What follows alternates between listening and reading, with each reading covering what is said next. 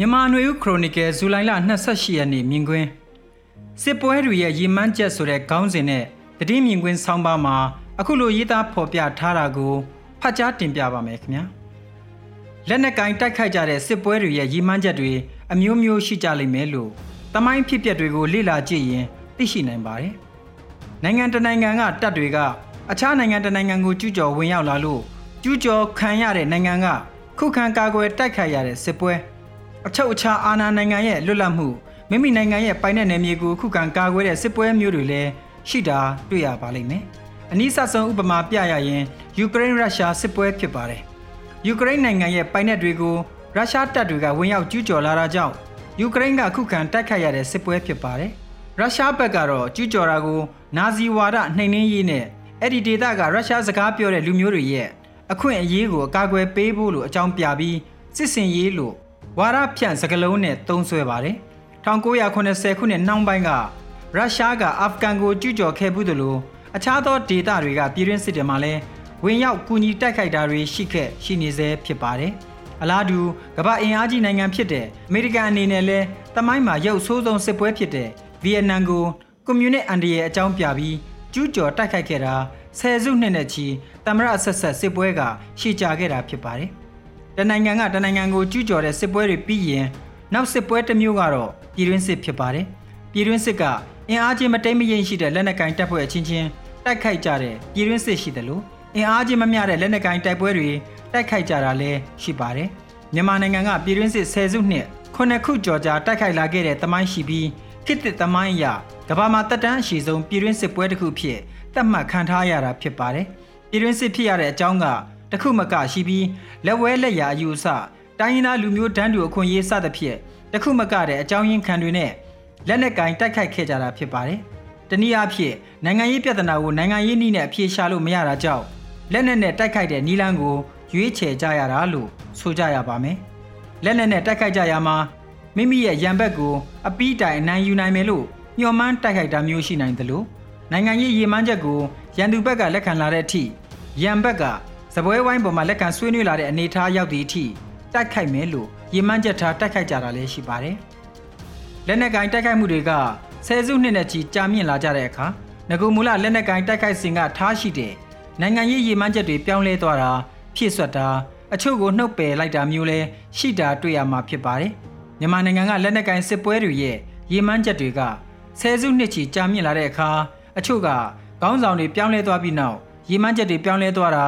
ခေတ်ကာလနောက်ခံအခြေအနေလက်တွေ့အခြေအနေပေါ်မူတည်ပြီးရည်မှန်းချက်တွေပြင်ဆင်သတ်မှတ်ကြတာ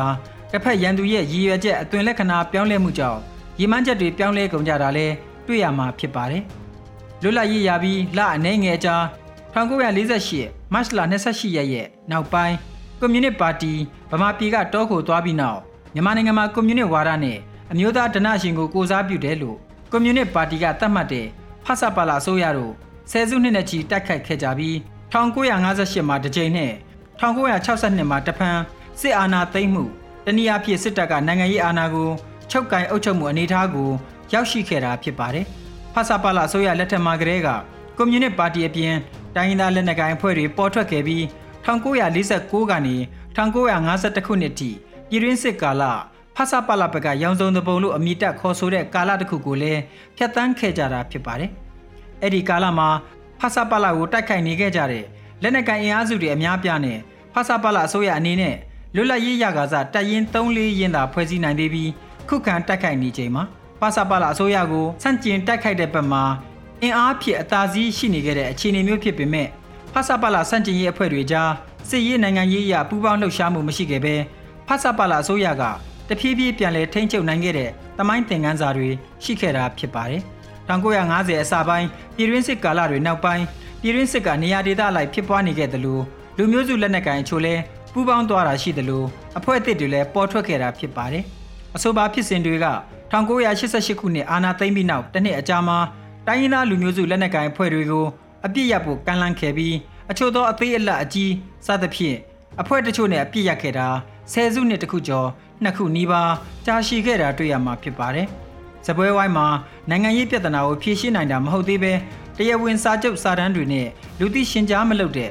လူသိရှင်ကြားမဟုတ်တဲ့စီးပွားရေးအခွင့်အရေးတချို့နဲ့နိုင်ငံရေးအခွင့်အရေး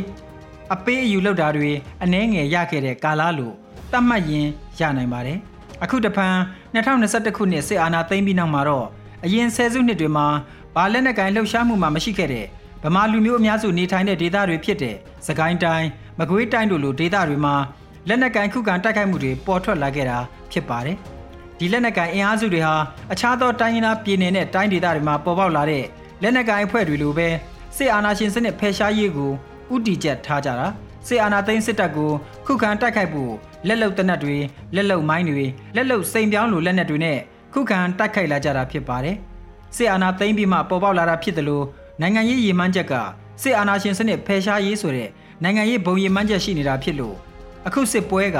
နိုင်ငံရေးပေါ်အခြေပြုပြီးပေါ်ပေါက်လာတဲ့စစ်ပွဲလို့ဆိုရမှာဖြစ်ပါတယ်။ဒါပေမဲ့လို့ရေရှည်မှာလက်နက်ကိုင်ဖွဲ့စည်းတွေအနေနဲ့လက်နက်ကိုင်ဖွဲ့ရပ်တည်ရေးသို့မဟုတ်ခေါင်းဆောင်တွေရဲ့တည်မြဲရေးဆိုတာတွေပေါ်မှာမူတည်ပြီးမူရင်းရည်မှန်းချက်ဖြစ်တဲ့နိုင်ငံရေးရည်မှန်းချက်တွေကိုပြင်ဆင်ပြောင်းလဲလိုက်ကြမယ်ရေးကိုလည်းတတိပြုတင်ကြတာဖြစ်ပါတယ်။စစ်ပွဲတွေတိုက်ခိုက်မှုတွေကအကြောင်းရင်းကံမဟုတ်ပဲ